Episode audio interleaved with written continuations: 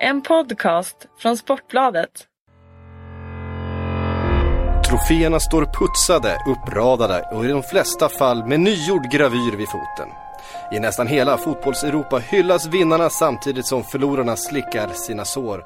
Och efter månader av offsidefällor, klacksparkar, nickdueller och fotparader gör sig fotbollen redo för semester. Väskorna är packade, hotellen bokade, men där i skuggorna av segerparaderna och avtackningarna började sakta röra på sig. Med nyslipade förhandlingsstrategier och med nytt färskt bläck i faxmaskinen. För när fotbollen återvänder, och det gör den alltid, är det med nya händer vi slår oss ner vid pokerbordet. Och vem är då vinnarna och förlorarna? Vart hamnar nästa säsongs kungar, damer och knäktar? Kanske kommer rent av något av essen att byta hand innan vi tar vid där vi strax ska lämna. Mina damer och herrar, välkomna till Silly Season. In the supermarket, you have eggs class 1, class 2, class 3. And some are more expensive than others, and some give you better omelets. That's the wrong information. Wrong, wrong, wrong information. I didn't say that. That's the wrong information. Do you think I'm an idiot? Wrong, wrong, wrong information. Now look at me when I talk to you. Your job is to tell the truth. That's the wrong information. Wrong, wrong information. I'm not gonna have you twisting everything I say. Twist, twist, twisting everything I say. So make that clear. Är det mina damer och herrar. Den här vignetten har i alla fall jag längtat efter eh, i några veckor. Man blir lite mätt sådär när det har eh, passerat några veckor med silly men så smyger sig behovet på igen. Patrik Sjögren, Erik Niva, välkomna tillbaks till poddstudion. Hur mår ni? Ja, kanon. Jag blev så glad för jag frågade Erik om han var taggad innan och jag fick den här ångestfyllda tvekan till svar. Den, då vet man att silly är igång. Ja, jag är ju som alltid kluven till hela den här karusellen. Eh, Jag blir ju rätt illamående av att eh, följa med i den. Samtidigt går det ju inte att låta bli att lösa biljett. Den är ju ett, eh, ett obligatoriskt inslag i dagens fotbollsverklighet. Så det är väl bara att försöka hålla fast i hästen och se hur illa det blir den här gången. Ska man ändå möta jordens undergång kan man lika gärna göra det från första parkett. Ja, det finns definitivt en relevans i det uttalandet här och nu. Ja men så är det. Eh, och vi tar ju det här på allvar för skulle vi inte ta det på allvar så är väldigt mycket av det vi gör helt meningslöst. Eh, så vi sätter väl igång. Vad har ni för förhoppningar och förväntningar på den här sommaren? Det är, är det som vanligt eller kan vi ta det hela ett snäpp värre? Större, galnare? Större galnare vet jag inte. Det känns som det börjar eh, tämjas lite av diverse FFP-restriktioner. Det känns svårt att få en helt ny klubb som ska komma in och gå loss fullständigt. Även fast Valencia gör sina försök och Milan kanske också ska prova. Men, men eh, galet kommer det bli, dyrt kommer det bli. David de Gea ska flytta på sig känns det som. Paul Pogba kanske ska flytta på sig känns det som. PSG ska göra någonting så eh, det kommer ju inte stå still den där karusellen. Äh, det blir väl som eh, fotbollsvärlden alltid blir på alla möjliga sätt. Det blir mer och mer fokuserat på de allra största. Det är inte bara de som vinner alla bucklorna nu för tiden. Det är även de som eh, sätter transfermarknaden i cirkulation på ett tydligare sätt än tidigare. Det blir de riktigt stora klubbarna som kommer att stå i centrum på ett eh, extremt självklart sätt. Och de känns ju i rustningstagen i stort sett allihopa. Det är få av de europeiska storklubbarna som känns klara och färdiga, som känns att de bara behöver en eller två korrigeringar och förändringar, utan det kommer nog hända väldigt mycket på många fronter. Mm. Oh, det ser vi fram emot. Jag, jag är till mig i trasorna här, ska ni veta. Eh, Ja, jag verkar nästan vi- mer entusiastisk än Sjögren, vilket jag trodde var omöjligt. Jag tror att det beror, oroande det här. Ja. När han börjar dikta till och med, då vet man inte. Då vet man att det har hänt något. Alltså. Eh, Det kan bero på min, eh, min privata radioskugga de senaste veckorna. Jag tycker det är kul, kul att vara tillbaka här mer. Ja, det är kul att du är tillbaks här. Så är det ju. Eh, Jag tycker vi börjar med Mario Götze. För det är på något sätt en eh, det finns en filosof, fotbollsfilosofisk eh, diskussion där, framförallt när ryktet om att eh, Bayern- München vill, vill liksom lasta tillbaks honom till Dortmund och, och prova nästa Dortmund mittfältare eh, som då skulle vara Gündogan. Eh, vad, vad, vad, säger ni om eh, dels då Mario Götzes eh, framtid i Bayern München, ryktet om eh, Dortmund och den tyska fotbollshierarkin som ju är ganska, eh, alltså den är lite motbjudande på något sätt. Alltså hela den här sändningen kommer ju behöva gå ut på att Patrik Sjögren presenterar rykten och teser och eh, funderingar som jag sen kan avfärda. jag har ju inte eh, samma detaljkoll på exakt vilka agenter som har sagt vad det senaste dygnet. Men det jag vet är ju det som har varit uppenbart för alla. Att Götze har hamnat snett i Bayern München. Han har hamnat ännu mer snett där än han redan hade de senaste månaderna. Det har ju hänt någonting i relationen mellan honom och Pep Guardiola den eh, tränare som han ju såg som en mentorsfigur, den tränare som i väldigt hög utsträckning genererade den där transfern. Det var ju så att Götze verkligen ville spela under Guardiola.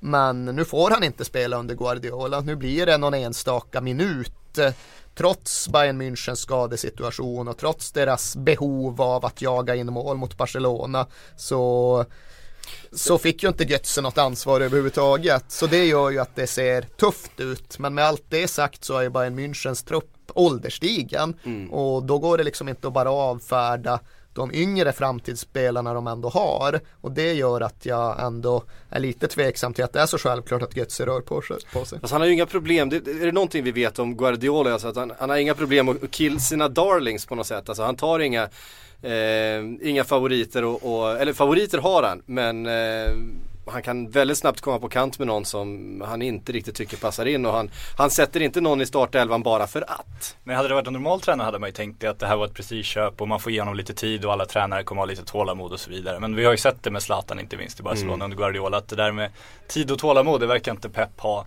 om det liksom skiter sig. Sen tycker jag också Götze ser, han ser ju liksom rent av ointresserad ut när han kommer in tycker jag. Han hamnar ofta på en kant, det känns som han liksom, han utmanar inte riktigt utan han går med sin sula lite i sidled och sen spelar han tillbaks bollen igen. Det känns inte som han är intresserad av att och liksom slå sig in i laget heller. Jag tycker att det ser väldigt så här, dödfött ut alltihop.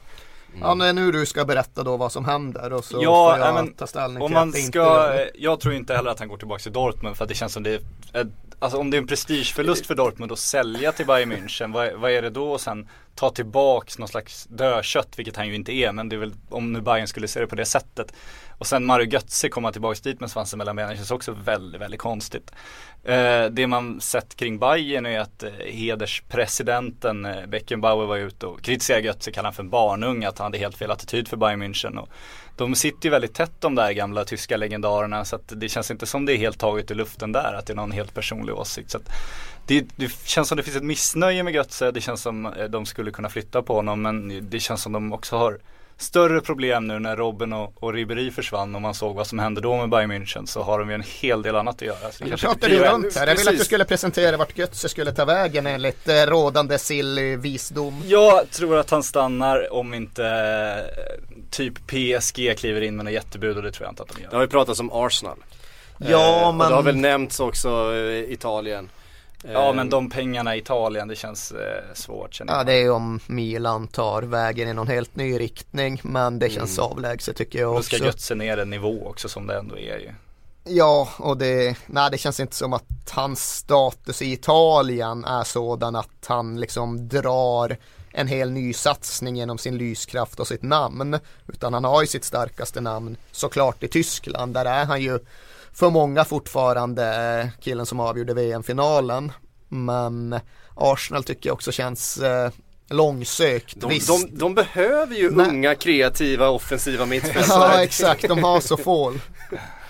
Eh, men, men vad är hamnar då? Har du, du har inte slagit sönder någon tes nu heller Nej jag satt ju Du skulle slå sönder saker för fan Det ska jag bli mer effektiv i ja, Jag satt ju från början och sa att jag har svårt att se att han rör på sig eftersom att det inte finns något självklart alternativ. Och sen bara bekräftar du det. Vad ska jag slå sönder mig själv? Jag gillar inte när ni är överens. Nej, det här börjar inget bra det alltså. Ja, vi har också. Vi kommer till helt andra eh, ämnen om en liten stund. Jag är helt övertygad om att ni inte kommer vara lika eh, mycket kompisar. Men vi kan väl stanna kvar vid Bayern och deras ombygge som det väl måste börja handla om för att det är en ålderstigen trupp. Eh, en av deras bästa spelare den här säsongen är Xabi Alonso, 34 år.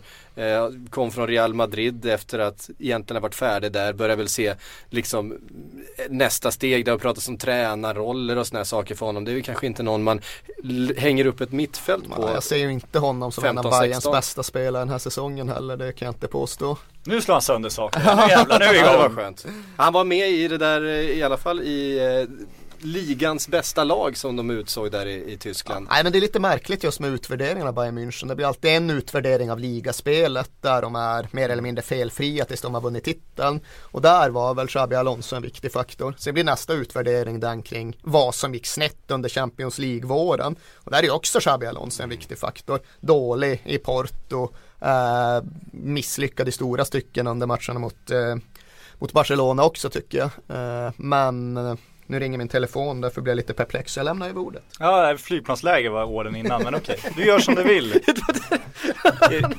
han, han har ingen flygplansläge. Vi satt där tio minuter, fan det låter fortfarande från någon mobil. Alla flygplans, ja flygplansläge här, här, här. Och nu, nu ringer det helt plötsligt Knivas Så här var det. Jag fick instruktionen, sätt på flygplansläget så ska jag se om det blir bättre. Jag satte på flygplansläget, Patrik inte fortfarande, det blev fan inget bättre. Det är ingen skillnad. Ja, men då så. Då slår du av det igen. Ja, okej, okay. inga problem. Ja, det är bra. I mean, uh, Bayern München, det känns som också också den här gyllene liksom, generationen de hade med Schweinsteiger, Lahm och så vidare, även den mm. börjar bli till mm. åren. Mm, absolut. de har ett jättejobb Och sina två superstjärnor då på, var, på varsin kant som har betytt så otroligt mycket de senaste åren. Eh, med Ribéry och Robben. Ja. Det är ju det är inga framtidsnamn det heller. Nej och när de försvann så försvann ju i stort sett eh, alla riktigt vassa offensiva vapen såg man ändå i semifinalspelet tycker jag. Skulle de använda sin patenterade metodik så då vore det ju självklart att verkligen bara lyfta över Kevin De Bruyne för att demonstrera makt, för att slå sönder det som har blivit huvudkonkurrenten. Det är ju så de alltid har agerat. Så fort någon av uppstickarklubbarna börjar ta fart, då går de dit, sätter ner foten och hämtar den bästa spelaren. Så på så sätt skulle De Bruyne passa in både rent eh, strukturellt och spelartypsmässigt för han är ju precis den här chansskaparen som de då måste hitta. Men med allt det sagt så har ju De Bruyne själv pratat väldigt mycket om att det sista han vill det är att återigen försätta sig i en situation där han inte kan vara säker på speltid. Och Alofs Wolfsburgs bossen har ju också varit ute och sagt att nej, det blir inget av med det den här sommaren. Så även där är väl stalltipset att ett år till i Wolfsburg blir det väl för De Bruyne. Men Bayern München har chock chockat eh, den tyska transfermarknaden. Typ de, med de gör ju som de vill. Ja, rätt de gör ju så. Men sen undrar man ju också vad det står i Marco Reus nya kontrakt såklart. Det känns ju också mm. väldigt, väldigt spännande i det här sammanhanget. Ja, ingen klausul får vi ändå utgå från att det är korrekt. För det var så de formulerade ja, men Vad finns men det för ja, överenskommelser exakt. utöver det som inte kallas för klausuler? Mm. Och tack och lov för det. För vem orkar med fler Marco Reus klausuler egentligen? Nej, jag hade gärna sett fler Marco Reus klausuler. Du vill ha fler klausuler? Nej, generellt. fler Marco Reus klausuler vill jag. Annars kan vi ta bort dem. Nej men det förstör ju förhandlingscharmen det hela det här så att jag vill, tycker inte heller om dem. Nej men så är det. Eh, hur tungt kommer Bayern gå in då på, på transfermarknaden? De brukar ju vara sådär eh, färdiga 3 juni. Mm. Då har de gjort sina, sina inköp, möjligtvis släpper någon de inte är intresserade av. Sen gör inte de så mycket mer.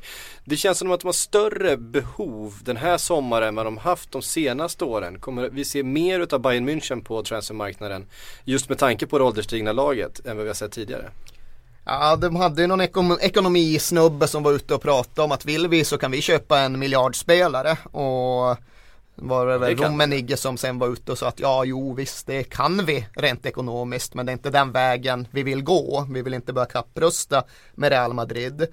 Men de har ju hittat, precis som du säger, en metodik de senaste åren. De hade ju framförallt den där kraftsamlingen efter finalförlusten 2012 när de verkligen bestämde sig för att okej, okay, vad måste vi göra för att undvika det här igen? Så plockade de in Xavi Martinez för oproportionerligt mycket pengar och ytterligare någon spelare som jag glömmer bort precis här och nu vem det egentligen var. Men då var de så här väldigt beslutsamma.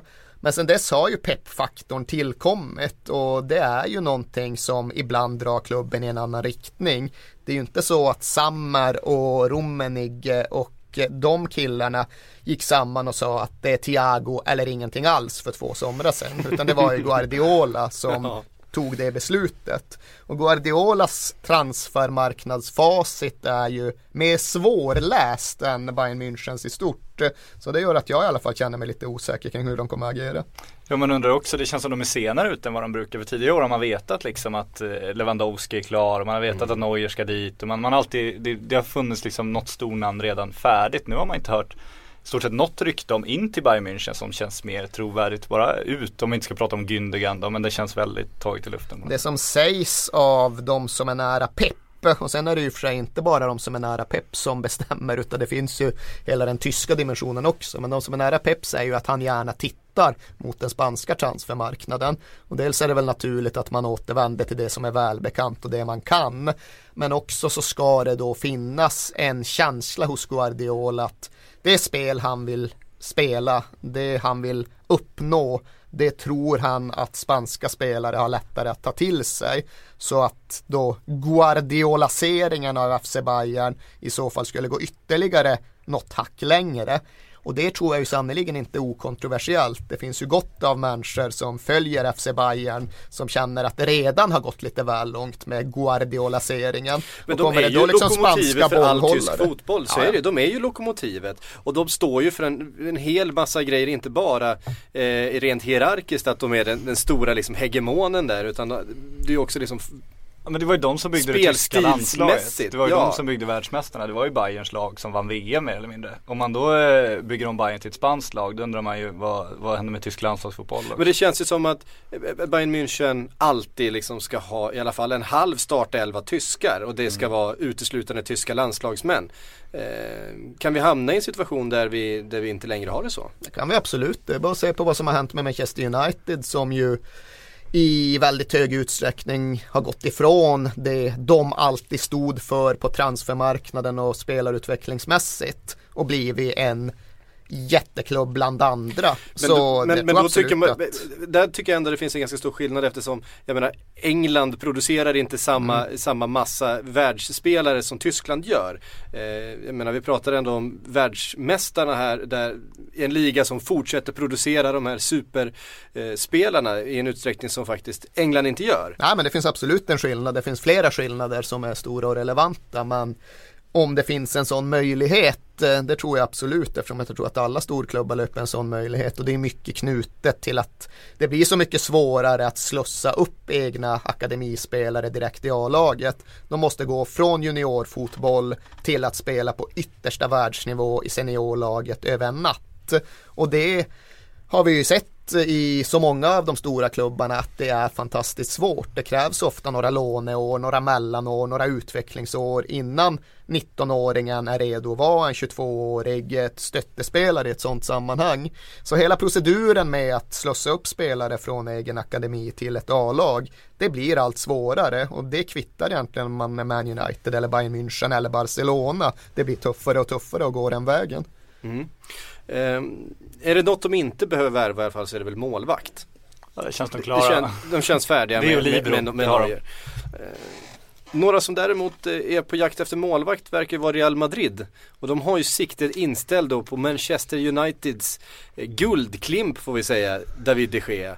För eh, han har ju långa stunder den här säsongen varit deras främsta försvarsstrategi. vi, liksom, vi, vi Enda upp, försvarsstrategi.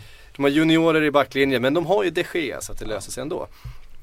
Eh, kommer han lämna Manchester United och kommer han verkligen lämna för Real Madrid? Han är ju Atletic kille. Atletico ja, ja precis. Atletico. Nej men det verkar ju verkligen som att det blir så i våra tolkningar av skiftningar i den internationella medieströmmen så är ju just skiftningen ganska uppenbar. Det har gått ifrån att vara en möjlighet för tio dagar sedan till att vara något högst troligt idag. Så med vetenskaplig säkerhet skulle jag fast att det är 75% möjlighet, risk att han gör precis den transfern du pratade om. Mm. Eller? Ja, jag skulle höja det till 90 tror jag. Ja, det är bra. Ja men det Eh, känns som allt, allt verkligen om man lägger pusslet bakåt nu. Alltså den här Victor Valdes-värvningen till Manchester United kändes lite märklig när den kom. Den blev väldigt logisk i så fall. Att Casillas var ute för två, tre veckor sedan och sa att ja, men jag kan absolut tänka mig att vara reservmålvakt i Real Madrid. Det, det, det hade han inte sagt med nuvarande målvaktsbesättning känns det som. Att eh, Luis van Gaal sitter här om dagen bara och då säger att det är upp till David de Gea nu liksom. Han har ett anbud från en stor klubb. Det är upp till honom vad han vill göra. Det tyder ju också på att Manchester United nu har bestämt sig och förmodligen redan överens om ett pris. Mer eller mindre, eller har fått en indikation på att det är tillräckligt mycket. Tror inte de ska in och trassla, trassla en Bale- Bale-utbyte då.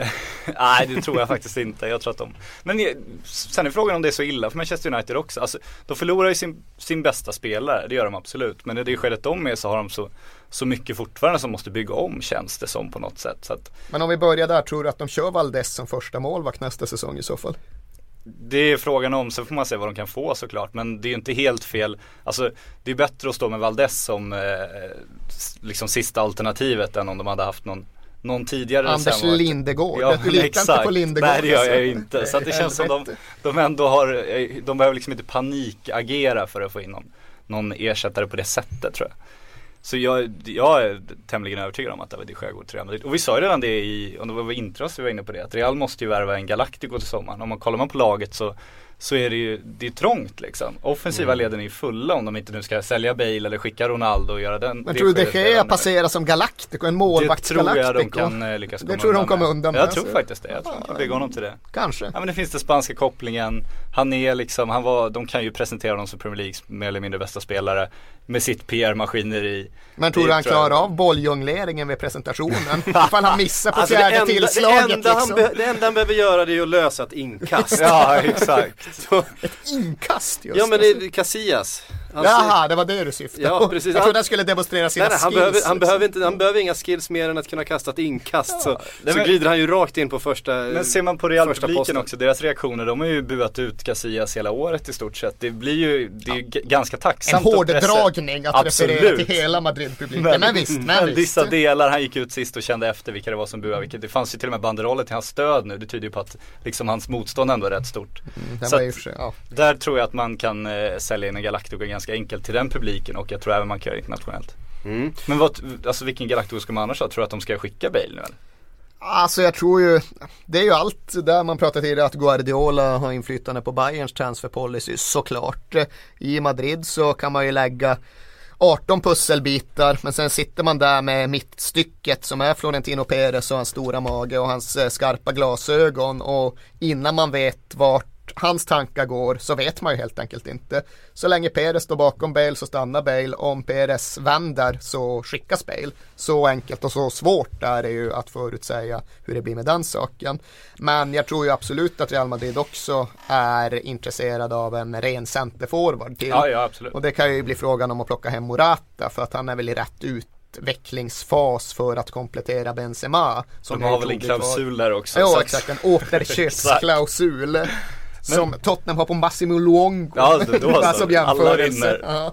Men kan man inte, om man tänker en annan teori då, om vi tänker att, att det är Ronaldo som håller Bale tillbaks, vilket man ändå spekulerar i. Bales agenter vill inne lite på det, att Bale inte får några passningar och sådär. Bales agenter är också ja, absolut. Jonathan Barnett, det är en sympatisk herre. Exakt, men är det, hade det varit rätt då att ge upp Bale eller är det bättre till och med att börja fundera på att ge upp Ronaldo nu för att försöka släppa loss Bale? Jag förstår ju någonstans vart frågan kommer ifrån och den kommer ju egentligen enbart utifrån en ålderssituation. Eh, nej, det är det ju inte för där Ronaldo är just nu dit upp är inte rimligt att förvänta sig att Bale någonsin ska ta sig. Och jag tror att man försakar inte två eller tre år till av den produktionen. Det är väldigt svårt galaktikopolitiskt att ro i hand en sån försäljning och peka på en just nu trots allt rätt impopulär Gareth Bale. Och därtill kommer ju hela ekvationen, men vem ska kunna köpa Cristiano Ronaldo? Ur ett FFP-perspektiv är det ju nästan omöjligt att köpa loss Cristiano Ronaldo. Så det tror jag inte på, även om jag som sagt inser att det går att det går att få en logik i den eh, transferkullerbyttan men i Real Madrid är ju logik bara en, det är bara en faktor bland många. Den har inte större värde än eh, många andra grejer. Ja, den har dessutom däremot mindre värde än många andra grejer. Eh, rejält mycket mindre. Eh, Men vem blir Galacticon då? Om, det inte är, om vi inte räknar de Gea som en ga- Galactico, vad Du finns kan det för få in Morata Galacticos? som en Nej, Galactico. Det är, alltså- inte, det är inte där. Nej. Och Benzema är fortfarande för bra för att ersätta med någon som liksom skulle kunna flytta på honom känns det som. Ja, men jag såg in före VM i fjol såg inte jag James Rodriguez gå in och hamna i Real Madrids strålkastarljus. Men nu finns det såklart ingen VM för att eh, Ska du America Projektera. in någon nu eller? någon i Chile som bara gör Exakt. 85 mål. Eh, nej det är svårt. Det är ju Marco Reus namn som direkt slår en men då är man ju där man inte ville vara i januari. Man känner sig osäker kring hans eh, framtid och jag vill ju verkligen tro att den är i Dortmund. Jag tänker inte sitta och spekulera i annat tills jag får fog för det. Så visst, den är svår att se framför sig. Men, Men ser du Royce som en större Galactico än de Gea? Ja, eftersom att fotbollsvärlden är viktad som den är viktad. Det krävs att man är en offensiv spelare. Eh, och det inkluderar målvakter. Det krävs att man är Manuel Neuer. för att verkligen få det där stora hypen runt sig. Det är ju bara att kolla på alla individuella utmärkelser som aldrig går till defensiva spelare överhuvudtaget. Eh, sen är ju, Cannavaro för fan. ja, en gång för tio år sedan. Åh nej, det omkullkastar hela Så tesen. är det. Eh, så det gör jag, även om det Ja, för det, det jag menar är att det, det, är inte, det finns ju inga där liksom superstjärnor som det liksom pågår någon sorts dragkamp runt. Man kan tänka sig Pogba som det var är ju i så Po- fall. Pogba, men det har ju funnits ändå, vi har haft Gareth Bale, vi har haft Luis Suarez, vi har haft några sådana de senaste åren. Men det känns som det saknas den här sommaren. Jag tror det blir Pogba som blir sommarens eh, ja, Galactico eller supertransfer eller vilket ord man nu vill använda. Jag är långt ifrån säker på att han går till Real Madrid men det skulle ju kunna vara namnet som övertrumfar både Morata, ja, det skulle vara en ganska logisk transfersommar för Absolut. Real Madrid, Morata, de Gea och Pogba. Ja, det blir en Verkligen. jävligt dyr transfersommar. Ja, jo, de, de jobbar så. Så är De det. jobbar så ja. Ja precis. Ehm, vi började de Gea, hamnade Real. Mitt nästa namn på listan här är ju Gareth Bale. Vi avhandlade väl honom. Ja, vi, eller ja, Jag ser honom så klar för Tottenham tills motsatsen är bevisad. sådär. Nej, jag tror att han stannar. Sen har jag skrivit Zlatan på listan. Oj. Ja, den får Sjögren ta. Ja den ser jag fram emot att ta. Nej, men vi har ju diskuterat det här varje år de senaste åren så här, när det är dags att flytta på Zlatan kanske. Och eh, ja, men det, man kan väl ta PSG i det större perspektivet och det känns som att de måste välja, välja väg snart. För Cavani är väl fortfarande ganska tydlig med att, alltså han säger ja, jag och Zlatan har en okej relation, vi respekterar varandra. Men han, vi, jag ska inte ljuga och säga att vi är bästa vänner. Och det fungerar ju uppenbarligen inte så jäkla bra när Cavani och Zlatan spelar tillsammans. Jag tror, när- jo- jag tror det är jobbigt att spela i samma lag som Zlatan om man inte är bästa vän. Så är det definitivt. Men sen eh, såg man ju också när Zlatan försvann på de här avstängningarna. Då började Cavani, då tog han chansen för första gången kändes det som. Verkligen blomstrade, fick igång målskyttet ordentligt. Och det känns ju som de måste välja snart om det är Zlatan som är framtiden eller om det är Cavani som är framtiden. Och det blir jäkligt intressant för att Zlatan har de inte många år kvar på men han är ju liksom den tveklöst, han är ju den som har blivit synonymt med hela den klubbens satsning. Så att det är ju en enorm prestigeförlust också och det vore nog svårt för den presidenten som uppenbarligen är bästa kompis med Zlatan om Zlatan själv vill stanna och försöka tvinga bort honom på något sätt. Det tror jag inte på. Så det är nog mycket upp till honom själv också. Det är också, han har ju varit deras bästa spelare sen han kom dit. Eh, dessutom så att eh, Men då man, man får ju frågan, inte ge upp för mycket utav, utav faktiskt spelet eh, heller som ju haft mycket med Zlatan att göra. Kanske inte lika mycket den här säsongen när han har varit mycket skadad. men det är också att ha mycket med Zlatan att göra för att det måste ha mycket med Zlatan att göra när, Zlatan spelar i ett lag. Du kan ju inte ha ett spel som inte har med Zlatan att göra då. Han, gör ju sig själv till den bästa spelaren också på något sätt känns det som.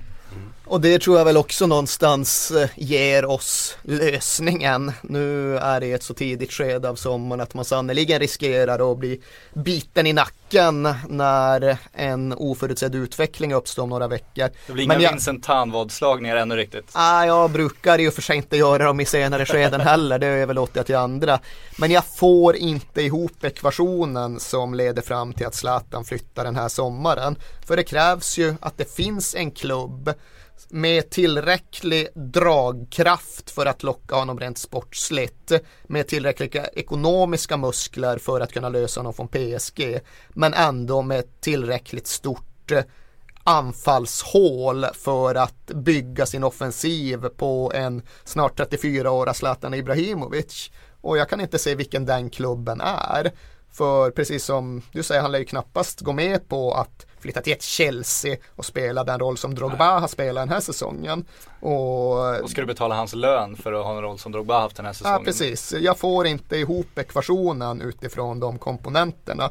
Och han flyttar ju inte till en klubb som eh, inte går till slutspel i Champions League. Och han flyttar ju Ja, nej, jag får det bara till att han spelar ut kontraktet i PSG Ja, och sen byter han världsdel nästa sommar. Ja, om man mot förmodan skulle ha den här Milan-drömmen fortfarande avsluta där som man ändå var tydlig med. Det finns väl ingenting som tyder på att han inte skulle kunna vänta ett år till på det i så fall om de nu är så sugna.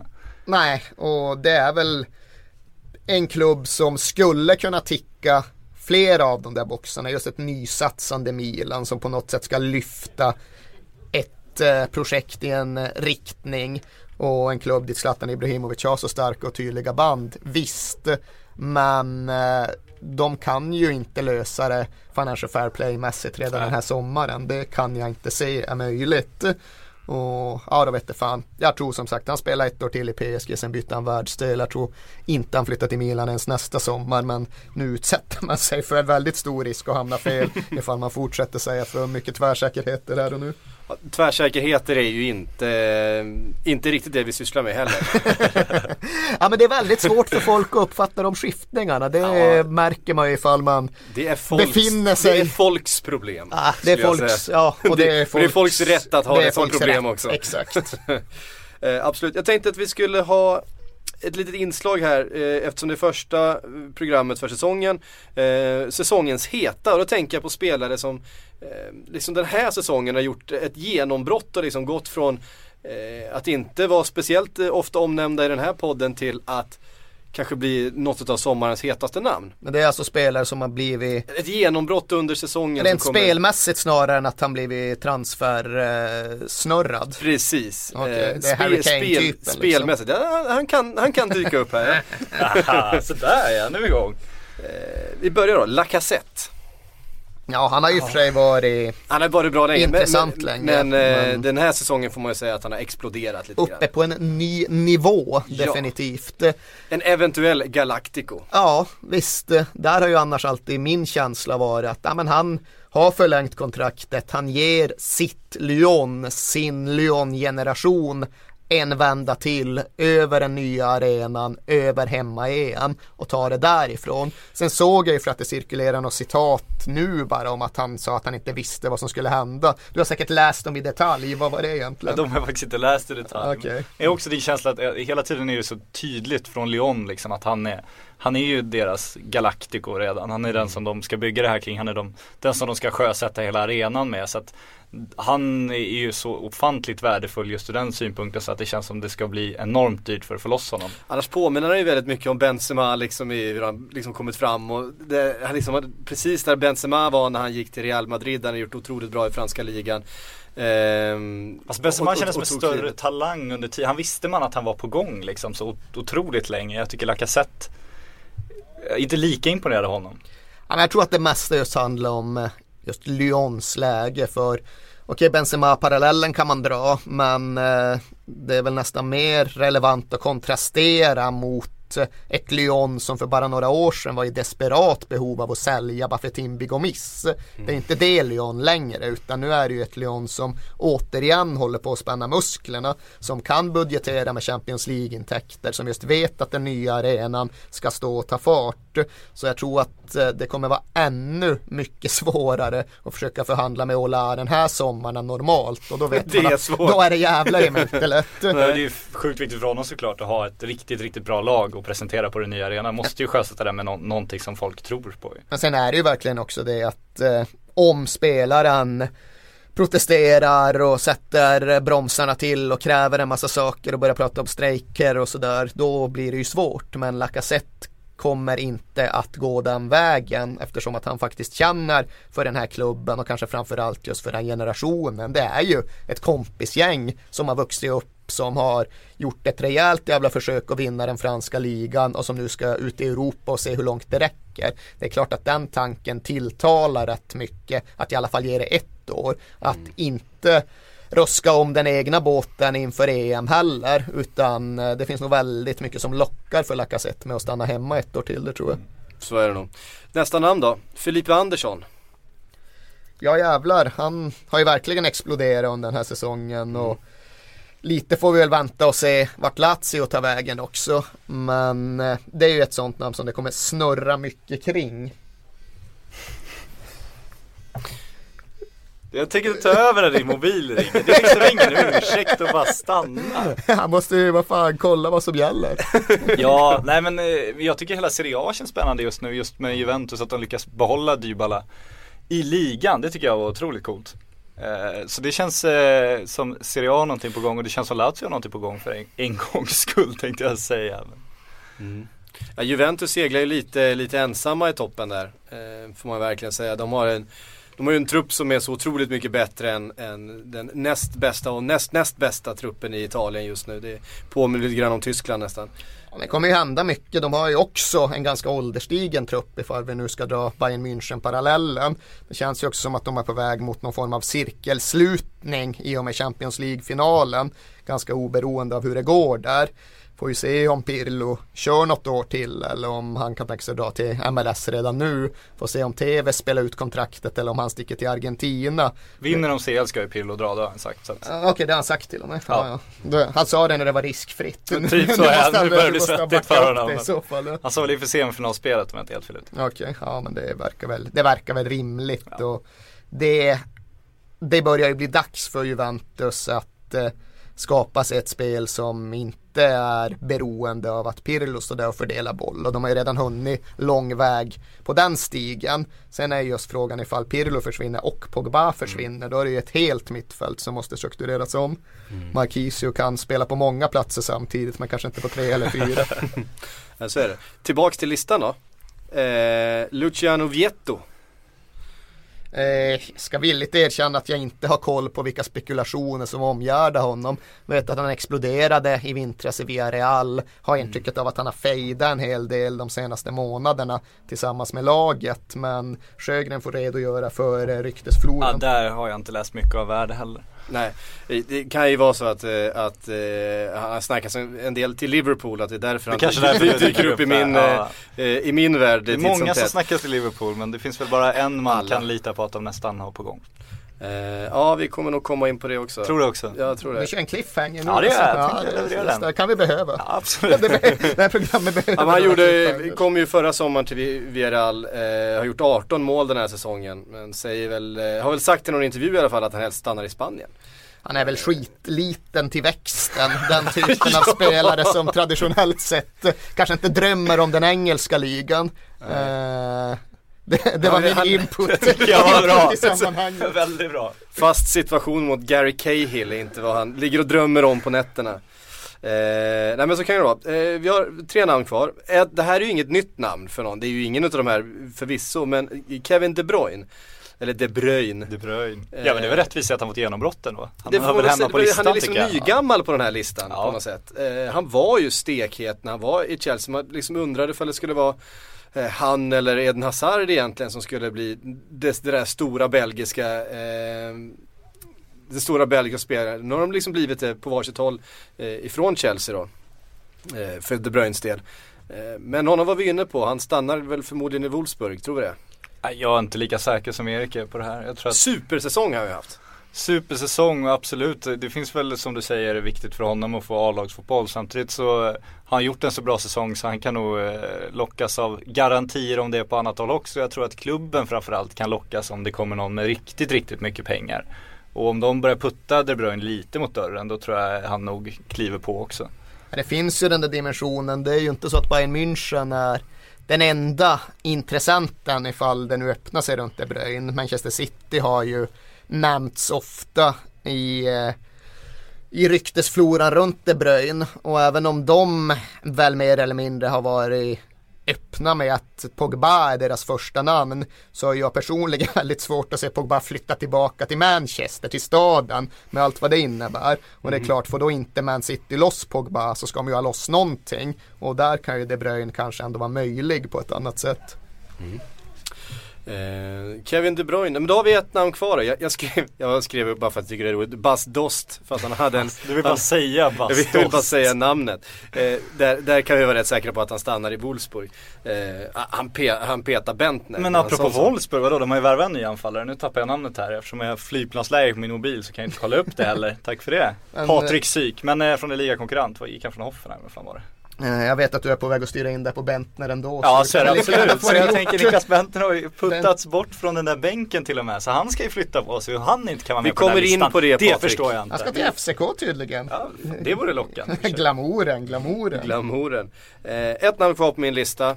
Eh, och skickar gärna in fler namn som ni, är lite så här, som ni tycker borde varit med på listan. Ni kan höra av er. Charlie Austin. Ehm, på Twitter framförallt, bloggen är inte igång än.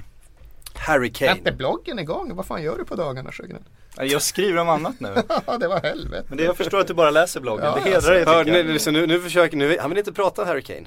Han vill inte prata Han Harry Kane i de här sammanhangen. Han försöker styra bort det. Ja men det där är just så här, projiceringar som folk ägnar sig åt. De, folk som, eh, sådana som sitter i det här rummet har bara bestämt att jag ska vara skärrad över Harry Kane. Jag är inte det minsta orolig för Harry Kane för han kommer inte flytta i sommar. Eh, dels så har han inte bevisat tillräckligt mycket för att en stor klubb ska lägga upp en halv miljard eller mer för honom. Eh, och dels så vill han han har ingen brådska iväg liksom. Det känner jag mig trygg i att säga. Och ja, där har ni det. Det kommer inte bli något där. Och det är jag trygg i. Och jag är ju annars en person som i väldigt hög utsträckning eh, bygger upp eh, de absolut värsta tänkbara scenarierna runt Tottenham. Men där känner jag mig helt lugn och stadig. Joris, eh, en helt annan grej. Men Kane flyttar inte på sig. Nej. Nej jag ska, ska inte slå sönder din, din vision där heller. Jag tror inte heller. Jag tror att om David Moyes hade haft sin första säsong i Manchester United återigen och haft problem sista dagen på transferfönstret och var tvungen att få in någon namn. Då hade de kunnat köpa Harry Kane. Men det fungerar inte riktigt så där längre. Det fungerar inte riktigt så att man ringer Daniel Levy sista dagen på transferfönstret och Om man köper har vad man vill. tillräckligt mycket pengar ringer man den över sista dagen på transferfönstret och köper vad man vill. Ryan Reynolds here from Mint Mobile. With the price of just about everything going up during inflation, we thought we'd bring our prices down. So to help us, we brought in a reverse auctioneer, which is apparently a thing.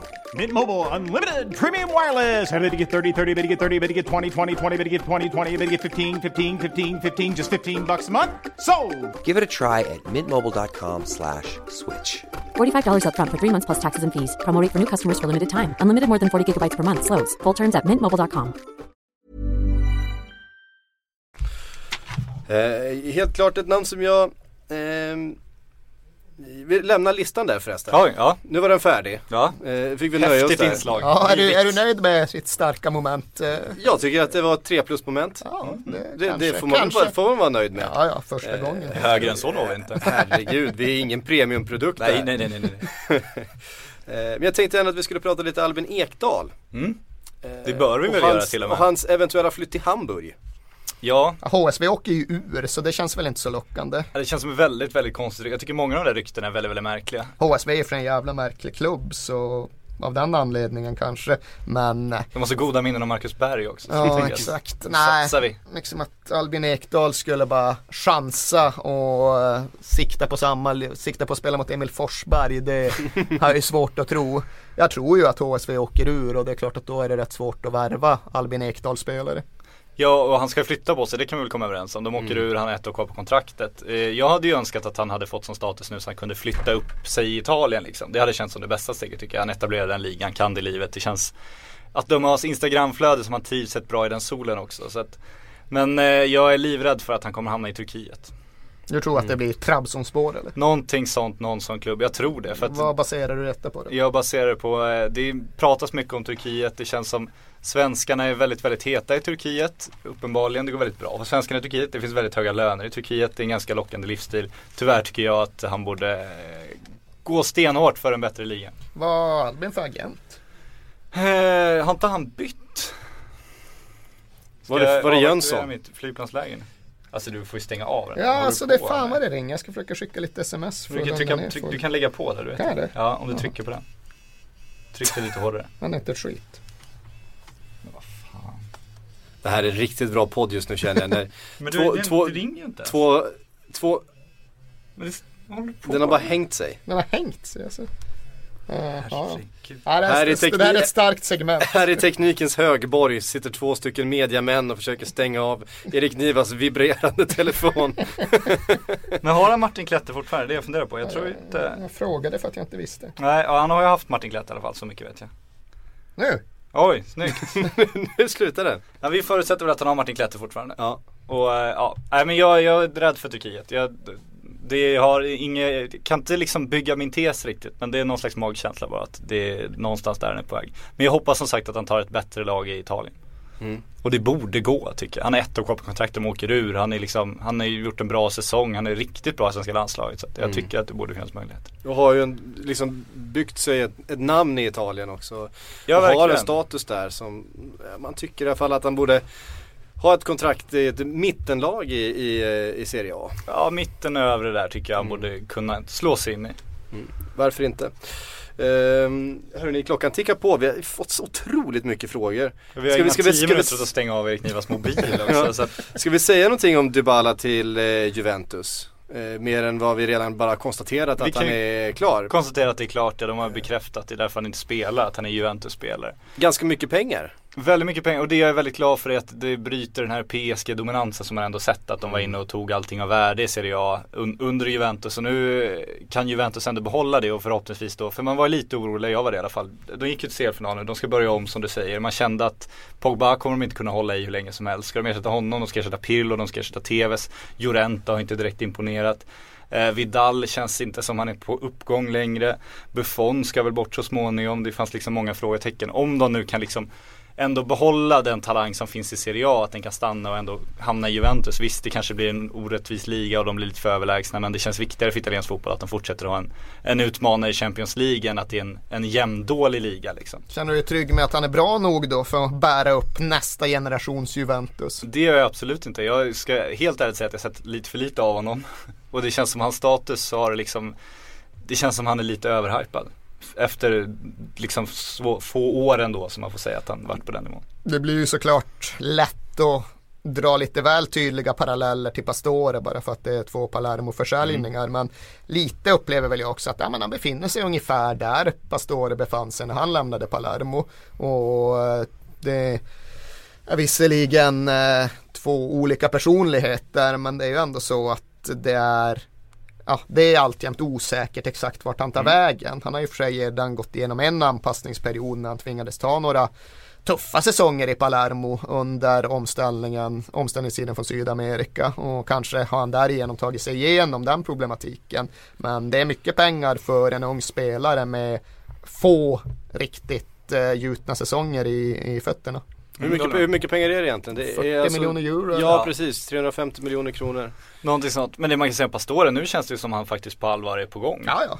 nu, nu ser det ut att börja explodera. Cantona, liksom. Cantona knows. Ja, ja, exakt. Ja men så är det. How, do he, how does he know? Because it's his job to know. Och den referensen kan bara folk som såg eh, Tips Extra på 90-talet. Ja, den, är- den är gjuten är den.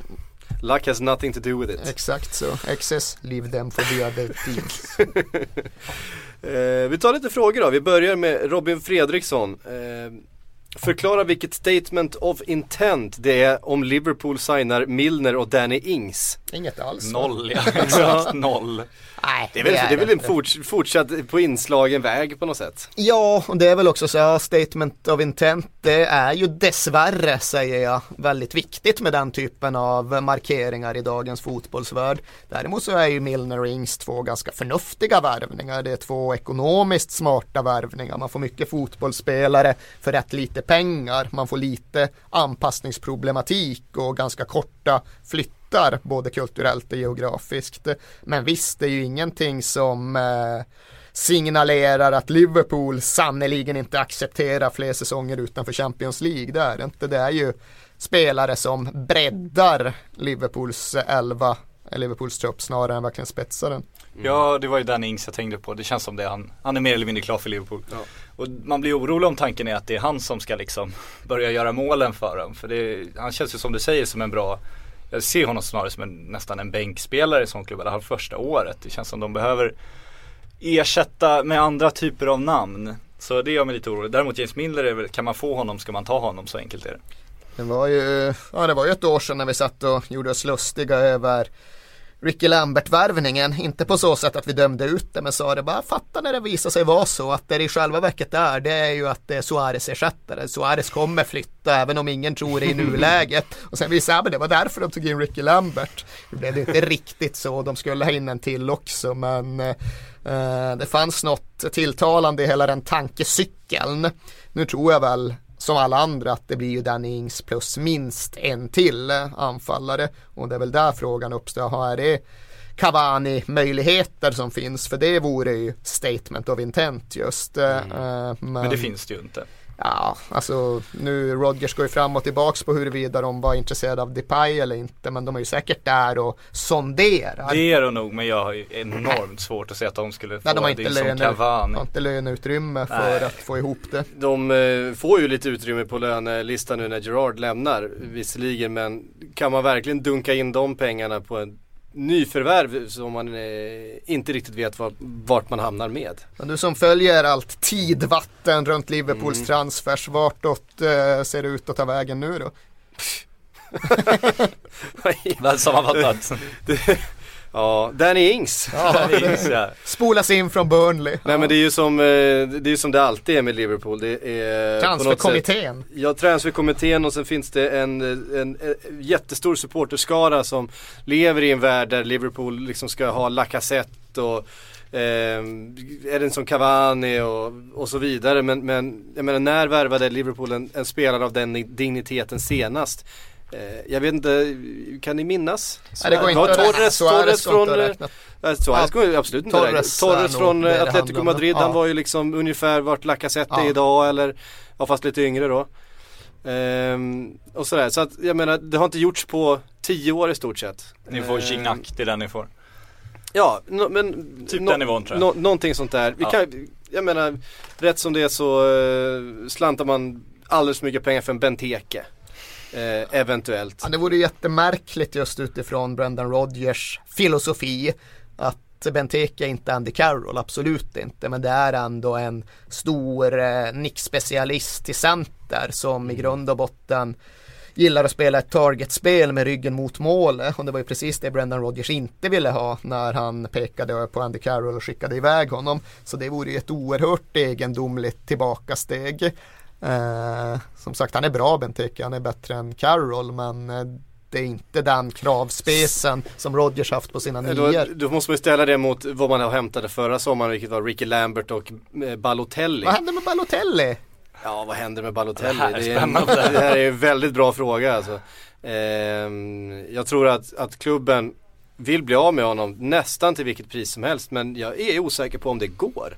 Eh, att lösa Sampdoria, Sampdoria med Casano är det väl? Ja, Casano vet jag inte. Han skulle, jag trodde han skulle vara presenterad hemma i Bari för ett halvår sedan. Sen dess har jag inte sett honom. Sen ska man ju komma ihåg att en, eh, en Divock Origi ska in i ekvationen och som köptes ju förra sommaren och lånats ut den här säsongen. Och har varit halvdan i Lille. Ja, han har inte haft någon, eh, någon bra säsong. Vilket eh, man kanske inte ska dra för stora växlar på 19-åring att han inte är, är, helt jämn och färdig. Men, men, men, frå då, men, liksom, men frågan är liksom fall det är vad, vad Liverpool har. Och, ja. För att liksom... Står ni med Origi och Danny Ings när transfersommaren är över så och nu finns när... det skäl att vara orolig. ja och nu när eh, Daniel Sturridge ser ut, eller han kommer missa inledningen på, på nästa säsong eh, också förmodligen kommer dras med skada resten av sin karriär. Eh, det finns inget som talar emot det. Ja men nu påstår de att den senaste operationen den har kommit till botten, till roten med allting. Cleared ja. up the causes och allt vad det är. Hur många gånger sa Peter Forsberg det innan han la av undrar man ju då. Hans klo till fot ja, ja, pressas ner i någon skridsko. Men Precis. Eh, vad tror ja, du om eh, Sterling då? Raheem. Raheem. Manchester City eller? Han har ju ja. sålt sitt hus nu. ja, alltså, London i och för sig. Ja, alltså, ja. letar hus i London nu, sålt det på. Raheem till eh, QPR. Jag kan, säga, jag kan säga så här, om det är någon som är beredd att betala de summorna som det har pratats om så be my fucking guest alltså. Ja, men, okay. jag, är inte, jag, jag, är inte, jag är inte en av dem som, som ser Raheem Sterling som den framtida superstjärnan i Liverpool. Jag tycker helt enkelt inte att han har tillräckliga eh, kvaliteter för det. Jag ger dig 28 miljoner pund här och nu för Raheem Sterling. 28 miljoner pund. Ja. Du tar det? Jag tar det. Okay. Jag tar det. Det finns, det finns otroligt mycket spelare i Europa med Raheem Sterling kvaliteter. Eh, som är ungefär på den nivån som spelar på det sättet som vi 23-24 års ålder kommer få börja hitta ett nytt sätt att spela fotboll på när baksidorna börjar gå. Vi har passerat några sådana genom det engelska landslaget också ska man säga. Det har gjort De senaste det. åren. Det har passerat några sådana genom alla engelska topplag tror jag. Eh, jag menar, vad trodde vi om Sean Wright Phillips när han var lika gammal som Raheem Sterling? Ja men det var väl typ motsvarande. Nej det var det faktiskt inte. Nej det kanske inte, Det var det inte, inte, inte riktigt var. Det var det första namnet som dök upp. Ja. Men Nej, men Theo, det finns Theo Walcott, Walcott är eh, väl, är väl det bästa. Det ska väl Aibin, fast han ser lite kraftigare ut kanske. Men, ja, nej. Jordan Ibe är inte riktigt samma speltyp. Eh, jag vet inte. Jag är inte helt... Eh, jag, jag tycker att ska man, ska man vara värd de pengarna som han då kräver i lön till exempel. Då kanske man ska göra man har spelat nästan hela säsongen som nummer nio i ett lag med ambitioner om eh, att vara i toppen av Premier League. Kanske man ska göra fler än de här åtta, nio målen som man har gjort i ligan den här säsongen. Men det är ju den där transfersituationen som man alltid måste återkomma till och ju som var ingångsvärdet i lyssnarfrågan om Liverpool. Att det är väl en sak att ersätta Mm. spelaren Raheem Sterling. Det är ett mycket, mycket större problem att Det ju- hantera symboliken Det är ju en försäljning större, av det Raheem är ju ett Sterling. större problem Ja. och det, det är det som, som eh, jag tror stör mest. För Liverpool klarar sig utan Raheem Sterling, absolut. Som sagt, det finns gott om andra eh, spelare att ersätta med. Eh, man jämför med en Suarez eller en Gerard nu. Det finns liksom inga sådana spelare tillgängliga för Liverpool att köpa. Eh, Raheem Sterlings finns det, men som sagt statement of intent. Vad är man för klubb? Vad, hur kan man bli behandlad av andra europeiska klubbar? Ehm, Ja, det är ju ett extremt stort problem just om Manchester City inte får loss Pogba utan ja, men okej all in på Sterling och Ja. lyckas övertala hans agent som i sin tur övertalar Sterling och sen är det fyra mil längs, längs M62 och sen är det inte så kul längre. Nej. Eh, Men det är ju samtidigt svar, Liverpool har ju verkligen försökt. De har ju erbjudit honom en extremt hög lön. Ni var ju Alltså- dallying about last summer som det heter. ja, precis. Det gör vi för sig alltid.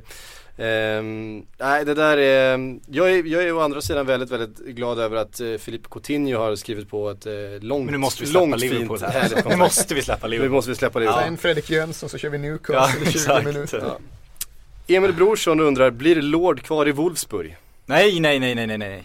Aldrig. Det tror jag inte. Nej men jag hoppas på FCK. Det hade varit så jävla, eh, nu är jag den Benton-entusiast jag är. Så jag, det hade varit kul att se honom spela fotboll för första gången på ungefär 15-20 år. Det är väl hade inte varit det kul. man har honom till eller? Nej, visserligen Så inte. jag men- utan att vara Bentner-entusiast. Men jag är också eh, en frekvent läsare av Extrabladet, den danska mer eller mindre porrtidningen. Så, så att eh, bara ta del av hans historia för lite närmare hålla det var spännande. Nej men han måste ju börja spela fotboll, det gör han inte i Wolfsburg. Så det är dags att sänka ambitionen. Vad är Bentner? 85 han det? Ja, jag tror det. 30 alltså. Helt sinnessjukt. Ja, vilken karriär. Det är 30 år gammal, kan det verkligen vara korrekt? Ja, jag tror han är ett par år igen, han är typ 87 va? Ja, kanske han är. Han är runt min ålder, det är något år mer eller mindre, så mycket är jag med på. Hur gammal är 88 är han, fan vad ung 88, han är. Fan, det är gott om tid. Hur gammal är du? Jag är 86 jag vet. Ja, då har du två transfers kvar i kroppen. Så är det. Ska höja lönen några gånger. Jag det är skillnad från du och jag Erik. Det- Nej, det vi, finns vi inga har fel. flyttat färdigt. Ja. Ehm, Kasper von Sivers undrar, vad händer i Milan? Och hur ska Manchester City agera efter detta år? Ja, det var två frågor det, Mhm. som inte riktigt har med varandra att göra. Men vi kan väl, vi kan väl vända oss till Milan då? Riva av det, det är lite Ja, Silvio. Silvio Berlusconis Milan, eller? Jo, men det ska det väl tydligen förbli också. Det verkar ju som att han förhandlar utifrån intentionen att han ska bli kvar som överhuvud och då är frågan vilka thailändska eller kinesiska konsortier som köper in sig på den premissen och vad den egentligen innebär. Jag känner mig inte kapabel att spika fast exakt vad som kommer hända med Milan just för att jag behöver se vilka thailändare som gör vad, vilka kineser som får vilket mandat och hur stort utrymmet egentligen är. Det måste liksom förhandlas klart om klubbstyret innan man kan börja prata transfersommar. Inzaghi försvinner med all säkerhet, det är väl det jag känner mig ganska övertygad om i alla fall. Kan det ha varit den orättvisaste tillsättningen av en manager någonsin? Ja, Cedorf var väl inte heller helt skitschysst. Ja men han kommer ju i alla fall från ett, från ett hyfsat tränarjobb i Brasilien där han hade någon sorts erfarenhet. Saga hade ju fostrats i det egna reservlaget. Ja, det var ju som Guardiola i Barcelona Exakt. för fan. Nej men Milan är också, man kan, alltså det kändes som när han började förhandla Berlusconi, det var det på premissen då att han skulle släppa klubben, att det var, det var över nu och det var då den här Mr B kom in i bilden. Nu har han ju sagt att, det, eller Mr B var ju väldigt tydlig själv med, via sina sociala medier att det var på gång och sådär och nu har det ju Följer du vänt. Mr B på sociala Ja, medier? Mr B lite Fan, överallt. Nej men sen har det ju vänt, för senast Berlusconi var ute så var det ju med att ganska hård kritik mot den här Mr B och även eh, Mino Raiola som inte alls är en obetydlig person i det här har ju varit väldigt kritisk mot Mr B. Han sa ju det hellre, hellre ensam än i dåligt sällskap. Raiola, jag har fan ingen aning. Ja, Okej, ja, det hade bara Vissa varit, säger olika. kändes som att du gjorde ett, en poäng här. Men, Ja, nej, ska jag, jag, gör säll, jag gör sällan poäng. nu ska jag sluta avbryta det med instick här. Nej men när de riktar så hård kritik mot honom då känns det som den eh, affären håller på att falla och då har ju Berlusconi sagt att han skulle kunna vända sig till någon annan. Då har det ju pratats om de här Dalian Wanda eller vad de heter, de här som köpte in sig i Atletico Madrid. Eh, och då ska ju Kinas president ha någon slags roll i den organisationen. det är nu det börjar bli intressant.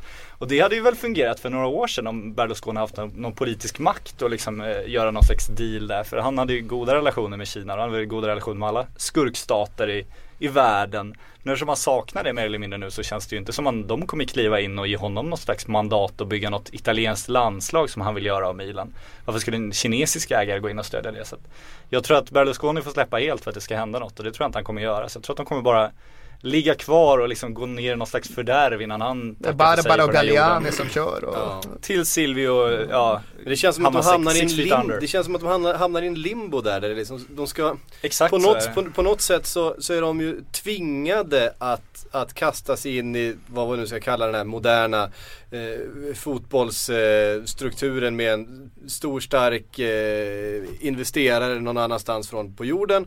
Men samtidigt så vill man ju liksom behålla det som det är så fantastiskt ändå med, med Milan med, med eh, den lokala förankringen och om man nu tycker att någonting med Berlusconi är fantastiskt så, så finns det ju ändå en koppling till en, eh, genom Berlusconi till en tid då Milan var någonting helt annat. Men då kommer de inte bli bäst i Europa igen, så enkelt är det ju. Nej, alltså den här liksom italienska patriarkens tid är väl på gott och ont rätt mycket över. Den pikade med Moratti och Champions League-titeln där och sen dess har ja, Inter, han har släppt greppet om Inter och Roma har blivit amerikanskt och Milan ska bli någonting, oklart vad. Så just den där enskilda starka italienska klubbägaren, eh, den modellen känns inte ja, den är inte konkurrenskraftig längre, den kommer fasas ut. Mm. Det där är eh, ett problem, alltså att, att inte, att, att omfamna någonting lite halvvägs. Det känns, eh, det känns ju inte som ett Han framgångsrecept. kramar ju för livet, man har inga pengar kvar, det är väl så det är. Nej så är det ju. Ja, nu har han, nu har han pengar men... jo, men inte det eh, som krävs för att liksom täcka det med FFP-system och annat. Det känns inte som han har, har liksom de pengarna, den Han orkar inte krångla Nej, liksom. så är det Jävla massa regelverk och paragrafer. Fan vad han tycker det är jobbigt. Bygga- liksom. bygga- ja. Europeiska diktat, vilken jävla skit liksom. Så är det. Det gick ju att komma runt dem där förut. Ja. Han har spenderat ett helt liv med att komma runt dem där, eller egentligen bara skita i dem. Ehm, Martin Eriksson undrar, eh, Grishman, det är väl rätt uttal va? Eh, vi, Fråga Simon vi Bank. tror Ska vi göra en poäng av det? ja, exakt. Gra- Abramovic är Ja, det för övrigt. Är det sant? Ja, så är det. Åh herregud. Det Det, är kommer jag faktiskt- tyvärr aldrig ta i min mun tror jag. Nej, alltså jag, jag väljer ju att strunta i det som man ju ofta Abramovic, gör ja, liksom. absolut. Eller hur? Så vi kör på Raiola då? Ja, det tycker jag. Ja, det är det jag är van Det känns vid, mer bekvämt. Ja, jag är Ja. van vid det. Eh, Grishman i alla fall, går han till Chelsea? Eh, Eller Chelsea som han heter i Sverige. Eh, behöver de honom? Vad hände där? Chelsea, men i Sverige säger vi Chelsea. Det är ju fel. Jag har inte skillnad, Ja, du säger samma sak. Ingenting här. Ni, ni, you prove my point. Tack. Ja, Eh, ja, nej men det verkar väl ligga rätt nära till hans. Eh, initialt så kände jag väl att fan, det blir väl svårt för dem att återvända och raida Atletico ytterligare en gång. Men tydligen så klarar Jorge Mendes av att hålla den där bron farbar ytterligare en sommar. Eh, nu ska jag erkänna att jag främst följt den här potentiella affären från det engelska mediehållet och där verkar de ju hyfsat övertygade om att det här är inom räckhåll. Sen är det ju ofta så att eh, det rapporteras på olika sätt i de olika länderna och här får man mest då den köpande klubbens förhoppningar. Jag har inte riktigt satt mig in i vad Marca egentligen skriver om Atleticos resonemang till det hela men det verkar sannolikt och eh, det överraskar mig lite grann. Det skrivs i Spanien framförallt är ju det här att Mendes kopplades in. Han är ju varken agent åt Griezmann eller någon annan där men han ska anlitats av Chelsea nu för att han har så goda relationer mellan klubbarna för att lösa det här. Då kan man ju tolka det som att det går håller på att gå åt helvete att de tar in någon så eller att eh, det håller på att lösa sig eftersom de har tagit in någon. Det, men det, det verkar ju, från båda håll i- bekräftas ju förhandlingarna så att säga. Inte från klubbarna men från medierna. Så att det känns ju som det är på gång. Och vill Chelsea verkligen det så känns det som Jorge Mendes löser Det, är- det är ju roligt att, att Jorge Mendes och eh, Raiola just, de har liksom så här, de har vibrerat förbi den här vanliga agentstatusen. De är någon sorts Ja, de är liksom så här- klubbyggare. Ja, ja men precis, de är så ambulerande sportchefer Mm. liksom som konsulter som åker runt och, och sprider andra människors pengar. Nej, det där är ju ett jävla sätt. Alltså det är ett jävla tillstånd vi har försatt oss i. Man har liksom eh, dels raljerat över och förfasat sig runt och även reglerat kring det här att eh, spelare eller för den delen klubbar ska ha tredjepartsägande. Det finns ju gott om exempel i Sydamerika där det är agenturer som ja, kontrollerar hela klubbar. Ja, men hur jävla långt bort Brasilianska landslag också. Ja, för den delen. Men hur långt bort ifrån den situationen är vi när vi ser på ett Atletico Madrid eller ett Monaco eller ett Porto. Det är ju Precis. agentstyrda klubbar i väldigt, väldigt hög Mm. utsträckning. Jag menar, man kommer ihåg ju Raiolas roll i Milan och sen i PSG och, och, ja, och Monaco som du nämnde. Det är ju, eh, ja. Ja, det är ju vidrigt och man kan ju undra vad det beror på. Det känns som det är väldigt ansvarslösa klubbägare många gånger. Sen vet man också att många affärer med till och med mindre klubbar också genomförts med agenter där man kan misstänka att vissa i klubbledningen kanske fått lite emellan för att liksom ta vissa spelare och sådär Ja, det är inte bara Sydeuropa heller. Det är ju liksom West Ham var ju mer eller mindre styrt av Sam Allardyce agent under några år. Så det, Drömmen! ja, exakt, det, är fan, det är där man vill hamna som fotbollsklubb. Kontrolleras av Sam Allardyce agent. Sam Allardyce som man ju också kan resonera kring vart han hamnar. För han blir inte kvar i West Ham. Så mycket vågar jag väl hamra fast i den mån man kan hamna Men vad skulle inte, skulle inte West Ham eh, ha Bielsa? De ska nog ha Rafa om de ska ha något. Eh, och nu Han verkar ju också vara på väg bort. Ja men exakt det är ju det. Sen är ju De Laurentiis det det pendlar ju från timme till timme hur han ser på saker och ting här i världen. Men om eh, ja, det går att få ihop kedjan där Rafa Benitez inleder nästa säsong på Upton Park och säsongen därefter på den då nyinvigda Olympiastadion i, i östra London. Det gör det. Mm. Eh, för de ska ju fylla lite sittplatser där. Eh, Ja, de sänker ju biljettpriserna för att lyckas med det så vi ska inte häckla dem för mycket för den sakens skull. Nej. Ja det hedrar de fan. Eh, ja, hedrar och Hedrar hedrar och och hedrar. Ja men allt som innebär lägre biljettpriser välkomnar jag med öppna armar. Jo, nej men det gör jag också. Jag tycker det är bra. Sen gör de ju inte det för att de är så jävla nobla Nej, och nej, ädla nej, och nej. bryr sig så mycket om gräsrötterna mellan Då kan östra vi väl London och hylla dem för det Essex. så kanske andra också vill ta del av de hyllningarna och göra samma sak. Då. Ja, det, det, är så, det är så vi formar fotbolls-Europa. Exakt så är det. Så är det absolut. Eh, Petter Rodén eh, skriver så här. Eh, Laporte till United eller kanske Barcelona nästa år.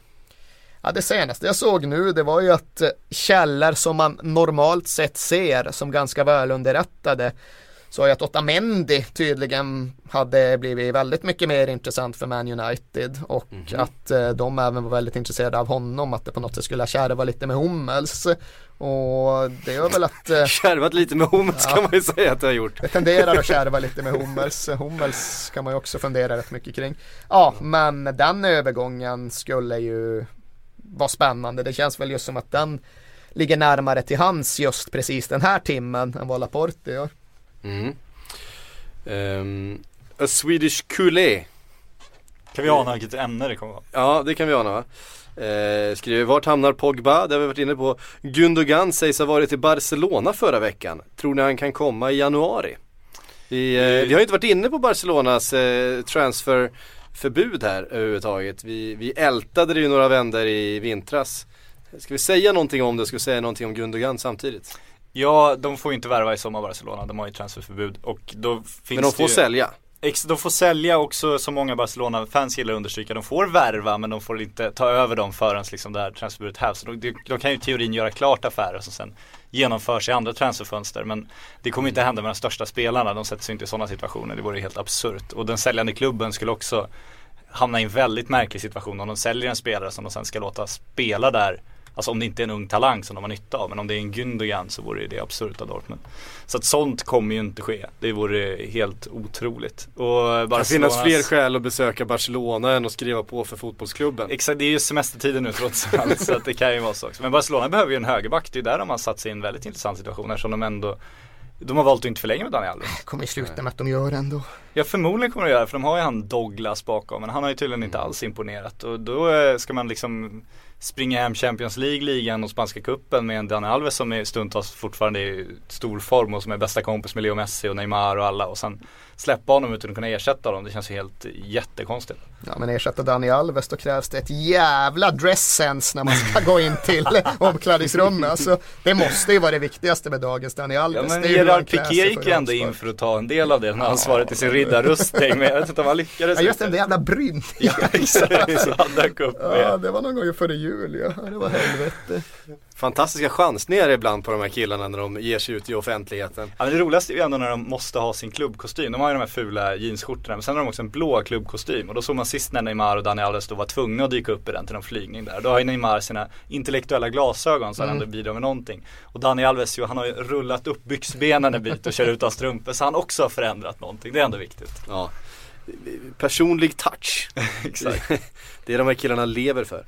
Fan, jag gillar för övrigt att man ska försöka följa Gündogans bara resemönster för dess slutsatser av det. Det är min favoritsighting över i alla fall det senaste, den senaste 18 månaders perioden när han var skadad Gündogan och man bara vart fan håller han hus egentligen? Visst sig han ligger på ett militärsjukhus på Krim ganska exakt samtidigt som Putin går in och tar Krim så ligger Gündogan där och steker på ett militärsjukhus och det var ju så, det har jag själv bekräftat, det tycker jag var Steker man på ett På militärsjukhus? Krim, ja. Var, han, var det inte bootcamp på honom då? Han hade väl eh, gått upp några kilon under sin Lätt- skade, lättbengravid. skade, Militärsjukhus på Krim, där gör man det som behöver göras. där? Stekte. Jag bara- Stekt.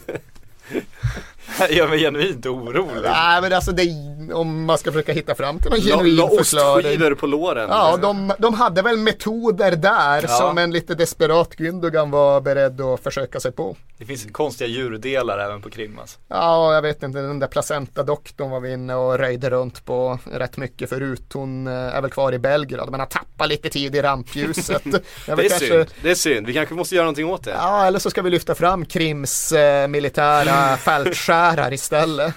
Jag gillar annars Messis eh, näringslärare där i Italien nu. Han är väl den senaste. Ja men det där har ju varit en sjukt stor grej faktiskt. Jag funderar på att skriva eh, om det där med lite större omfattning. Just eh, dietens inflytande på den absoluta toppfotbollen under den här säsongen. Det finns ju knappt en spelare som inte tjatar väldigt mycket om sin italienska diet. Sen verkar det finnas ett par olika stjärndietister. Men det är ju Benzema och det är ju Agüero och det är Messi och det är Men jag älskar ju liksom, jo men när de kommer fram till vad var det han förändrade? Ja men det är så här, ja han slutade äta väldigt sent på natten, han sov ordentligt, han slutade dricka läsk liksom, vad fan, kom till Sverige, jag kan berätta liksom, så jävla knepigt är inte det här. Ja, jag läste Agüeros statement, han hade ju slutat med allt. Jag har ingen aning om vad han äter liksom. Han hade, ja, han hade slutat med pasta, han hade slutat med kött, han hade slutat med fisk, han hade typ slutat, ja, jag vet inte fan vad som återstod riktigt.